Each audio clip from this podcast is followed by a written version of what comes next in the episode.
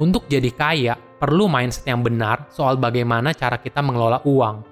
Ketika kita paham cara membuat uang bekerja, itu adalah awal dari perjalanan kita menuju kebebasan finansial. Halo semuanya, nama saya Michael. Selamat datang di channel saya, Sikutu Buku. Kali ini saya akan bahas buku Rich Dad Poor Dad karya Robert T. Kiyosaki. Buku ini membahas tentang pengalaman Robert bersama dua ayahnya, ayah kaya, dan ayah miskin. Kedua ayah ini memiliki pandangan yang sangat berbeda soal uang dan cara mengelolanya. Ayah miskin yang merupakan ayahnya sendiri merupakan seorang pekerja, sedangkan ayah kaya yang merupakan ayah dari teman baiknya Robert merupakan pengusaha. Kedua ayah ini memberikan Robert perspektif berbeda soal cara uang bekerja dan investasi.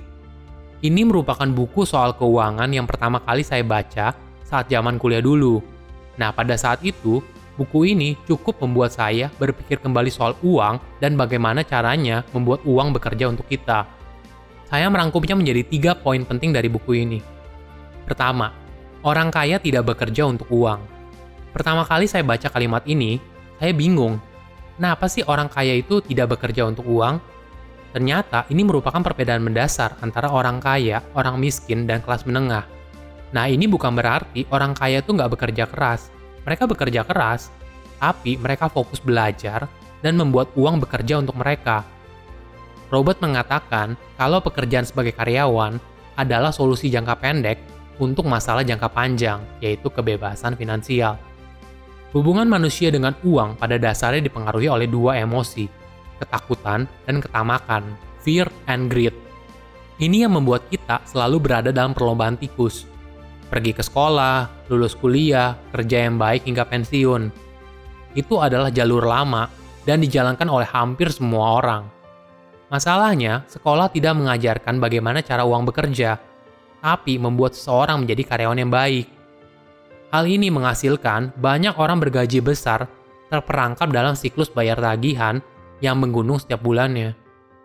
Kedua, literasi keuangan untuk keluar dari perlombaan tikus. Orang kaya menggunakan uangnya untuk membeli aset. Orang miskin dan kelas menengah menghabiskan uangnya untuk membeli liabilitas, bukan aset. Menariknya, orang kaya dan orang miskin bukan ditentukan dari seberapa banyak penghasilan yang kamu dapat, tapi bagaimana manajemen keuangan kamu. Apakah untuk membangun aset atau liabilitas? Contoh sederhana adalah ketika kita punya cukup uang untuk beli mobil. Si kaya akan berpikir, saya perlu nggak sih mobil ini? Mobil ini bisa menghasilkan uang nggak sih buat saya? Atau uang ini lebih baik saya investasikan lagi ke saham atau obligasi?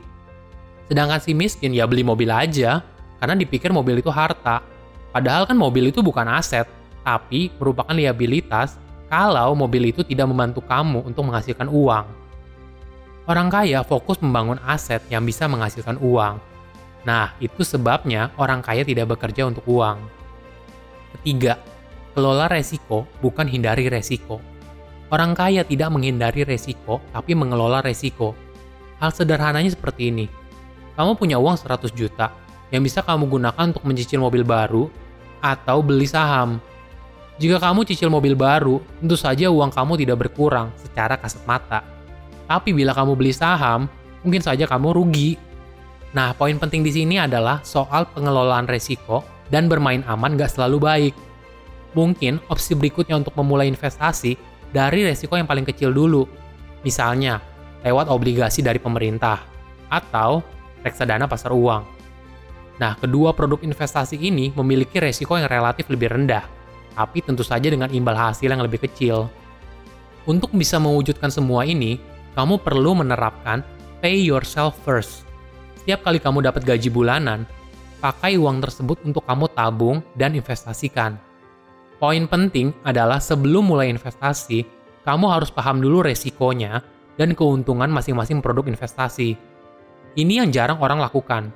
Biasanya nih, orang buru-buru masukin uangnya ke dalam produk investasi tanpa paham apa resikonya.